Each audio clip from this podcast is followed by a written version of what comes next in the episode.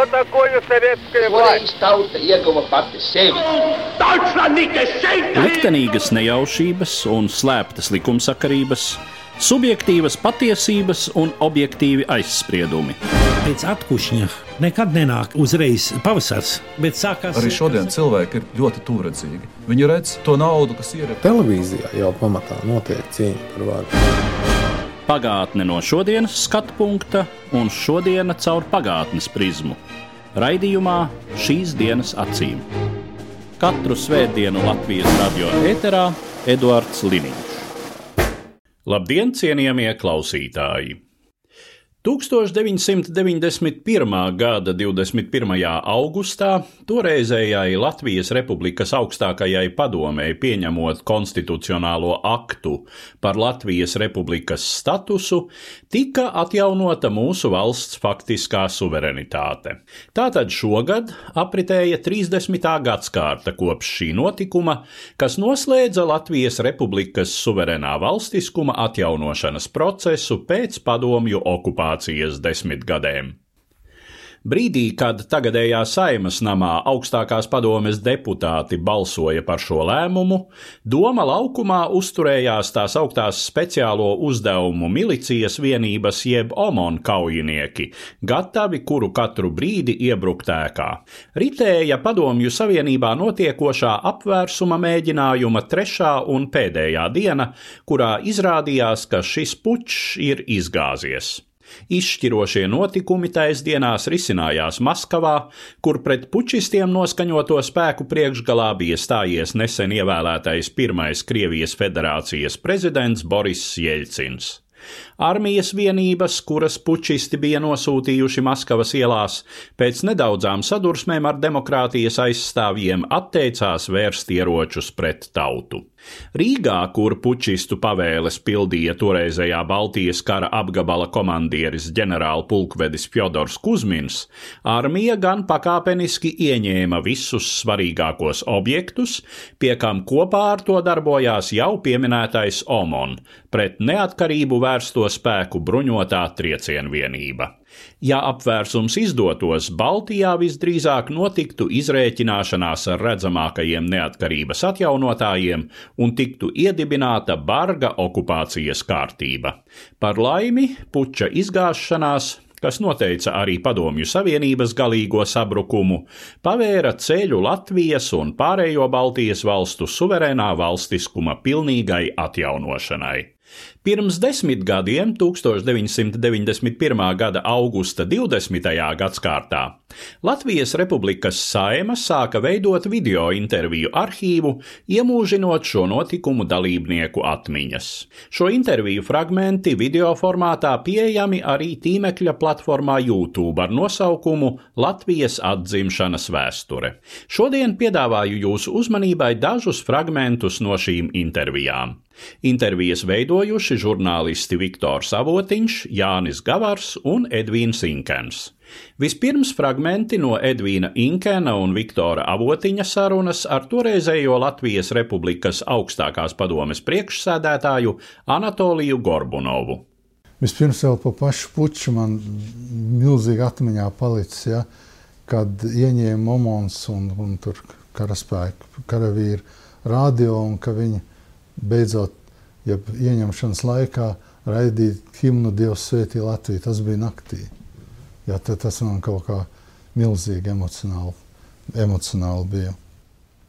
Es nevadīju sēdi, es nonācu tikai sēdi, jo tur nemitīgi kaut kas zvanījās telefonu. No vienas sakot, tu visu laiku, visu laiku prasīja kaut ko tur ārvalsts žurnālisti, tur tā un, un, un tā tālāk. Jo pildīt toreiz augstākās padomas priekšsēdētāja funkcijas arī reizē valsts galvas funkcijas. Ja, tas aizņēma daudz laika un dažreiz nervozitātes tīri no protokola viedokļa. Konstitucionāla likuma pieņemšanas laikā visaugstākās padomas riņķoja helikopters. Tātad bija informācija, kas tur notiek augstākā padomē.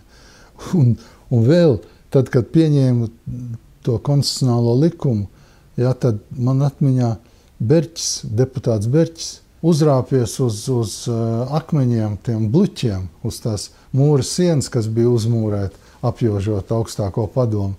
Lasīja konstitucionālo likumu, jo nebija radio, bija noslēgts un viss. Ja?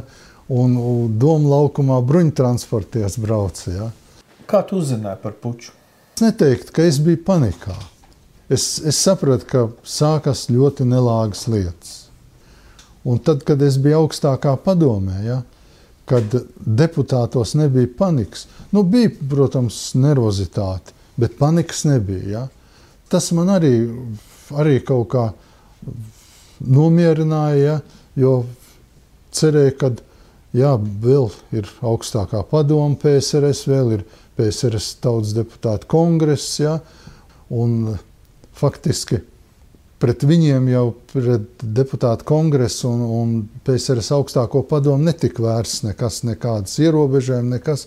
Tad uzreiz tāda cerība, ka te vēl ir jautājums, kas ir diskutējams. Un par Gorbačovu nekādas informācijas nebija, apslims. Un prezidijs tad, kad pieņēma to paziņojumu, ja, un kad uh, es uzstājos ar to paziņojumu rādio, ja, tad pēc tam Kuzmins zvanīja. Jā, tad gan viņš bija, bija savu zolīdumu zaudējis. Viņš teica divas lietas, nu, personīgi par mani, ka, ja vēl kaut ko tam līdzīgu atļaušos, tad noteikti arestēs, lai ar to rēķinās. Un otrs, ka, lai nedomājot aicināt cilvēkus uz barikādēm, jo tanku viņiem pietikšot. Tas paziņojums bija tāds, kas nosodīja puču, paziņoja viņu par nelikumību un aicināja cilvēkus nepakļauties pučam. Un ka vienīgais leģitīvais varas avots ir augstākā padoma. Un es laikam otrā dienā zvanīju Pugo, un man izdevās sazvanīties. Un tad man arī radās tāda cerības stariņš. Es uzdevu tādus konkrētus jautājumus, ja, nu tā it kā oficiāli, kā arī deputāts. PSRS tautas deputāts, kāds tiesiskais status. Un tad vienkārši nu, tā it kā pazīstot, uzprasīja, nu, kādi tad, ko, ko tad darīs, kā, kur, kad saskaņosiet ar augstāko padomu vai kaut ko tam līdzīgu. Nu, nu, tādā veidā, ja. Un tās atbildes bija tik nepārliecinošas, kas man radīja iespēju, ka nav skaidrs, ka viens, divi, trīs. Nu, nekad jau neatklās visu, tas adabiski ka es tur pazvanīšu, nu tagad man izstāstīs visu. Bet vismaz ticamu kaut ko tādu nostāstu viņš nevarēja man sniegt. Pēc tam tu vadīji delegāciju, kas brauca pie Jeļcina. Vispirms atmiņā palicis tas, ka mēs tikām uzņemti kā gaidīti viesi vai kā, tā, kā partneri. Un mūs ne tikai laipni uz, uzklausīja, ja, bet arī arī rīkojās. Piemēram, mūsu lūgums tika izpildīts. Faktiski Jeļcins piezvanīja mūsu klātbūtnē un lūdza izkārtot, lai Kuzmins vairāk nevada Baltijas kara apgabalu. Un tā tas arī notika. Es tā īsti nebiju, nebiju domājis, ka Jeļcins mums dos to atzīšanas rakstu. Mēs vēlējāmies, mēs tur sākām stāstīt vis, visādas lietas, tur tā. Ja viņš saka, nu labi, es jau zinu, ko jūs galveno gribat. Ja? Nu, mēs teicām, protams, ja? bet tā, ka tur protokoliski bija sarunāts, ka tagad jums pasniegs tur neatkarības apliecinājumu vai atzīšanu, tā tas nebija nekādā veidā. 2020. gadā mūžībā aizgājušais žurnālists Aivars Berķis neilgi pirms augusta puča bija kļuvis par augstākās padomes deputātu, stādamies mandātu nolikušā Imanta Ziedoņa vietā. Pirms tam viņš vairāk nekā 20 gadus bija strādājis Latvijas radio un arī puča dienās joprojām jutās piederīgs radio un aktīvi piedalījās tā darbā. Doma laukumā astoņi Aivars Berķis sagaidīja arī radionāma ieņemšanu, kuru veica padomju desanta vienības karavīri, un vārda tiešā nozīmē izjūta uz savas ādas visu šīs situācijas skarbumu. Savas atmiņas Aivars Berķis stāstīja sarunā ar žurnālistu Jāni Gavaru.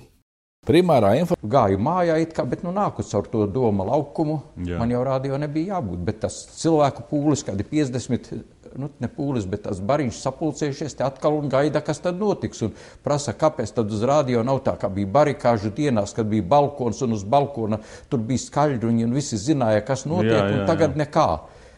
Nu, tautas tribūnas seju un nokārto televīzija bija ieņemta, tas bija ap kādiem pulkstenes deviņiem. Mm -hmm. Es ienāku te, nu nāku iekšā un pašreiz tās sievietes visas sūta mājā, kas tagad paliks nakts maiņā, un es skatos, ka tā situācija ir tāda, ka man ir jāpaliek, es vienkārši mm -hmm. nevaru iet projām. Mm -hmm. Nu, tad es atdevu Dainai Strauskai, par laimi atdevu savu magnetofonu un atdevu tos dokumentus, lai jā, viņa brauc jā. mājā. Un tam man bija tāda viegla sirds, mani nekas nesaistīja vairs. Pēc maza laiciņa Imants Bude no tautfrontiešiem. Mm -hmm. Un saka, ka tur ir nošauti cilvēki pie galvenās milicijas ēkas. Pie, pie iepratī tirgu. Ah. Salmiņš un Varpahauskas. Jā. viņi bija no, no Rakstnieku savienības, tas mikroautobus bija braucis. No, pareiz, tie jā. omonieši viņus vienkārši bija ar 35 ložu caurumiem. Salmiņš bija uz vietas beigts un tas Varpahauskis bija sašauts cilvēks atbrauc un saka, vai kāds nav ar mieru braukt. Es braucu, nu, braucu līdzi. Mm -hmm. aizbraucam tur, Un tie omonieši tur stāv, sašautais autobuss, bet tas Varpahovskis jau bija pārlikts uz to uh, pie sanitāro auto, nu, jā, ātrās jā, palīdzības jā. auto. Nu, es iegāju auto, ātrās palīdzības auto, viņš jau nebija runājams, es tikai tad izprasīju tos citus, kā ir un apskatījos. Es taisījos vēl pie tiem omoniešiem runāt. Es domāju, žurnālisti visā pasaulē dara tā. Mm -hmm. Bet tas ir mans, teica, viņš teica, nē, nē, es jau dabūju ar automāta laidi pa muguru, tie zēni jokus neprot. Tad tā bija pirmā reize, kad es tā skaidri apzinājos, ka patiešām tie zēni jokus neprot, jo viņiem ir dota pavēle un viņi šaus. Viņi, viņi nu, vairs nu, jā, nedomās, jā. tas vairs nav janvārs. Tajā brīdī es sapratu, ka tas vairs nav janvārs, ka tas ir cita situācija. Divos te bija atpakaļ, pastāstīja vēl to, tad ienāca vēl no tās ārpusē palikušajiem vēl viena sieviete atnesa man kafiju, Bet noskaņojums bija diezgan, diezgan drūms, jo bija tāda bezcerības, tāda atmosfēra, ka šoreiz nu, kaut kas notiks. Un, kad es arī runāju tur, tad es teicu, ka es arī apmēram tā teicu, ka tas nevilksies ilgi. Es teicu, tas var vilkties kādus 3-4 mēnešus. Tā ekonomika noteikti jā, sabruks, jā, tā valsts jā. nav tādā veidā glābjama. Tā kā izturiet, nenododiet viens otru, turieties kopā, nepārdodieties. Nu, apmēram tā, tas mhm. bija tas, ko es tur nu, zināju pateikt. Nu, tad, Nekā nenotiek. Mēs teicām, viņi grib zināt, cik pareizs laiks viņi radio netaisīs. Un tad es uzkāpu augšā uz uh, mūsu redakcijas istabu. Viņa bija augšējā stāvā, pašā augšā, piektajā stāvā. Aizgāju, domāju, uzrakstīšu rītam, rīt, rīt, no rīta raidījumam tādu pamatīgāku gabalu. Piesēdos, miegs nāk. -hmm nu, kaut kā tur kaudamies ar miegu, mēģinu rakstīt uzreiz, un tad gāja tas šāviens, tas bija 4,47 minūtes, to es esmu pierakstījis. Nu, tad es skrēju lejā uz studiju, tad mēs ielikāmies ar, abi ar krievu diktoru iekšā. Es pateicu tā, nu tad pienākusi mūsu pēdējā stunda, uz kāpnēm jau skan soļi, turieties jūs un, un tā. Un tas krievu diktors to pašu pateica krieviski. Tad man bija bailes, es domāju, tā, kad ieņem kādu ēku, tad parasti es biju lasījis, ka ar automāta kārtām tīra ceļu. Mm -hmm. un, un viņi taču nāk baidīdamies. Es teicu, vīri, drošāk būs, ja mēs ejam uz kāpnēm. Lai redz, ka mēs tur nu, esam. Jā, jā, jā. Tad mēs izgājām kāpņu galā. Un tad tie nāca, tie bija desantnieki. Viņi nāca pārliecināti, viņiem nekādu baiļu nebija. Viņi teica, ševoževi gospodā что вы здесь делаете? Мы вас давно отключили. Un tad, tad man kļuva viegli, jo es saprotu, ka viņi nekā nezina. Es pirms jā, tam biju dzīvojis tādā pārskat, tādās domās, ka Čeka zina visu. Mm -hmm. un, un ka viņi zina visu. Bet tad, kad viņi teica, ka viņi mūs atļučīja, tad es sapratu, ka viņi nekā nezina, jo mēs skanējam no visiem tālajiem turņiem joprojām. Jā, jā. Visu nakti mūs, mūs atslēdza tikai no Rīgas, tad, kad Ulbroku ieņēma. Tie teica, Sobiraiki vešķi, un pa, pa mājām, es eju tur, skatos, te mūsēja jau nostādīti pie sienas. Un es vēl tāds bravūras pilns, un es tur kaut ko mēģinu tā bravūrīgi teikt, kas tad tur ir. Nu, tad, kad man ievilka pa žokli, brillītes aizlido, bez brillītēm es esmu nevarīgs, tad man vislielākās bailes, jo toreiz jau daudz brīļu nemēdza cilvēkam būt. Es savācu savas brilles, ielieku savā kabatā, lai nesasit. Nu, tad nolika pie sienas. Viņi visādi tur mūs paspārdīja gan atkal. Vienam briesmīgi gribējās to savu aso nazi demonstrēt. Tas tur grieza tam šoferis bija visjaunākais. Viņi tomēr jāsaka tā drusku skatījās, nu, kuru var vairāk apcelt. Un, Tad tam tur matušķips nu, šņāpa nost un teica, mm -hmm. mēs tev tūlīt ausi nogriezīsim. Nu tā. Viņi izturējās burtiski kā traki. Man arī metās virsū. Un tad tas cilvēks bija nu, divu soļu attālumā. Es redzēju, ka tās ir traka cilvēka acis. Tas mm -hmm. ir tā, Mhm. ka viens būtu visu nakti dzēris un tagad atnāca sālēties. Jā, jā, jā. Kaut kāds nekad smaka nekāda eh, nebija. Nāca tas 21 kad aizvācās tās bruņu mašīnas projām, mm -hmm. tad jau mēs kļuvām drošāki. Es teicu, zvanu Gatkalu Grīmbergu, Kārlim, es teicu, Kārli, mums pēdējos ieņēmumus pirmiem jābūt atpakaļ. Atnācu šejienu un tad izsauca to majoru laukā, kas tur no tiem desantniekiem atbildēja, jo tad mm. bija desantnieki, tad ne, nebija obons. Stāvēja sargcaldāts pie tā mūra un viņus kaunināja tantiņas. Tad mēs teicām, mēs gribam tagad palikt naktī, nākt atpakaļ un būt tur, lai, lai būtu kārtība. Nu, tie tur tā, tie bija tā jau noraustījušies. Viņi piekrita, ka mēs nākam. Bet tā jau bija oficiāli pēc tam sarunāts, ka, ka nākam un pārņemam to māju pilnīgi. Tad, tad viņi oficiāli vācās laukā, lamu pavadīti uz savu autobusu. Un, un tad, kad viņi bija izvākušies, mēs nācām iekšā. Un ļoti žēl, ka mēs viņus tā aizlaidām. Jo, tad, kad, tad, jo mēs jau nezinājām, ka viņi tik briesmīgi izdemolējuši to radio. Tas bija nu, visvairāk viņi bija dzīvojušies pa mūzikas redakciju. Tur bija viss zemē un viss sabradāts. Un, nu, tas ir absolūti demolēts. Vienīgais, ko viņi nebija aiztikuši, tas bija tas visas studijas iekārta. Tad viņi uz savu roku bija visus seifus mēģinājuši lauzt vaļā. Un, nu, visas atvilknes, vis, visas durvis bija izspērtas un telefoni sasisti. Un, Dzēnieks Jānis Peters 1991. gadā tika iecelts par Latvijas pilnvaroto pārstāvi Maskavā. Augusta puču gan viņš sagaidīja Latvijā, kur bija atgriezies pavadīt nedēļas nogali. Savas atmiņas Jānis Peters stāsta sarunā ar Edvīnu Inkenu.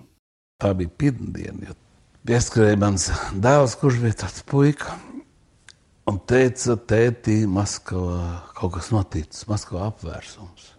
Es biju dziļi, dziļi izmisis, pārsteigts. Un, un, tagad es pieņēmu lēmumu, kas jādara. Jā, jākrauj ģimene mašīnā, žigulī un jābrauc uz Rīgu.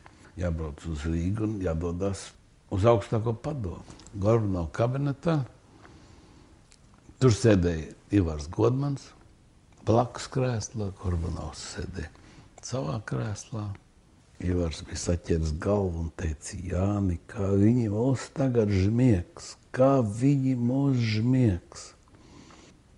Bet Gorbanovs bija ļoti, Ivars vienmēr ir mazliet pānisks, mēs jau to zinām, vienalga, vai ir, vai ir apvērsums, vai ir banku krīze.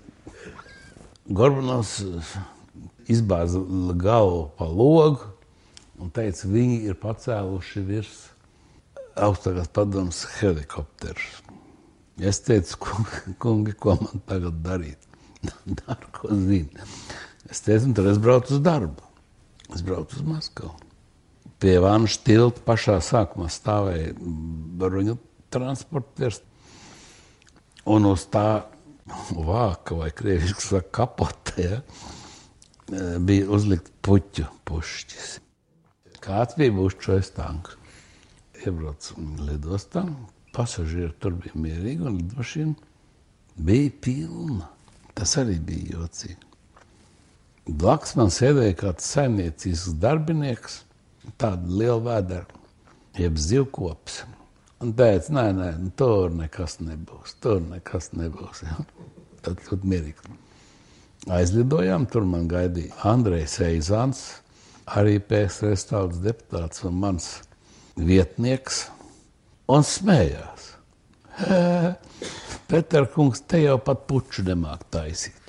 Tūlīt tajā pašā vakarā mēs ar Andreju Eizānu paņēmām mašīnu un kabatā ielikām savus PSRS augstākās padomas deputātu apliecības, kas daudz toreiz pavēra ceļu. Braucām uz Baltonām. Milicis mums pa ceļām apturēja, mēs parādījām apliecības. Viņš teica, neiežaiķi, nebrauciet tur. Mēs, mēs esam augstākās padomas deputāti. Ja? Jā, nu tagad iežaiķi, ja? bet tā. Nu ko, nu ko tur, tur nu tik interesanti dzīve. Tur cilvēki stiepa, ko vien var. Kādus akmeņus, tādus pašus bluķus, kā te Latvijā tos betonu bluķus. Es atceros, ka bija tāda gultas gali un dzelžu gultas, tā kā slimnīcā. un būvēja. Cilvēki pastaigāja, dažs skūpstījās. Turpat pie tiem bloķiem pārīts skaists. Ja? Atceros, virsnieks nesa liels maijas kukuļus, tāds sapits daudz. Vai nu gatavojās ilgstošam aplenkumam vai lielu ģimeni. Cits sunīti čurināja, citi būvēja kaut ko. Kaut kādi ugunskura jau dega, tā kā pēc domiem otru. Mēs piebraucam maksimāli tuvu, un tad trakums bija tas, ka Kad mēs apgriezāmies pēc pusstundas, mēs netikām laukā, jo mēs iemūrēti. Viss bija aizbūvēts ciet. Vēlāk Ivans Silančevs, Krievijas jeb Jeļcina ministra padomas priekšsēdētājs, vēlāk man teica, Etam jau tas nav učiņas, pribalķīcev, nu, būvēt tos barikādas, ka mēs iemācījāmies no nu, mums nu, sākās nakts, mēs jau tur vairs nepalikām, braucām mājās, gulējām savā pārstāvniecībā. Nu, tad norisinājās, norisinājās notikumi. Bailes kaut kā nebija. Te mums griezās cilvēki, kas prasīja politisko patvērumu, krievi, maskavieši, ja, naivie. Ja. Mēs jau bijām padomu republika de facto. Mēs tiem teicām, ka mums nav vietas vairāk, ka vairāk gultu nav.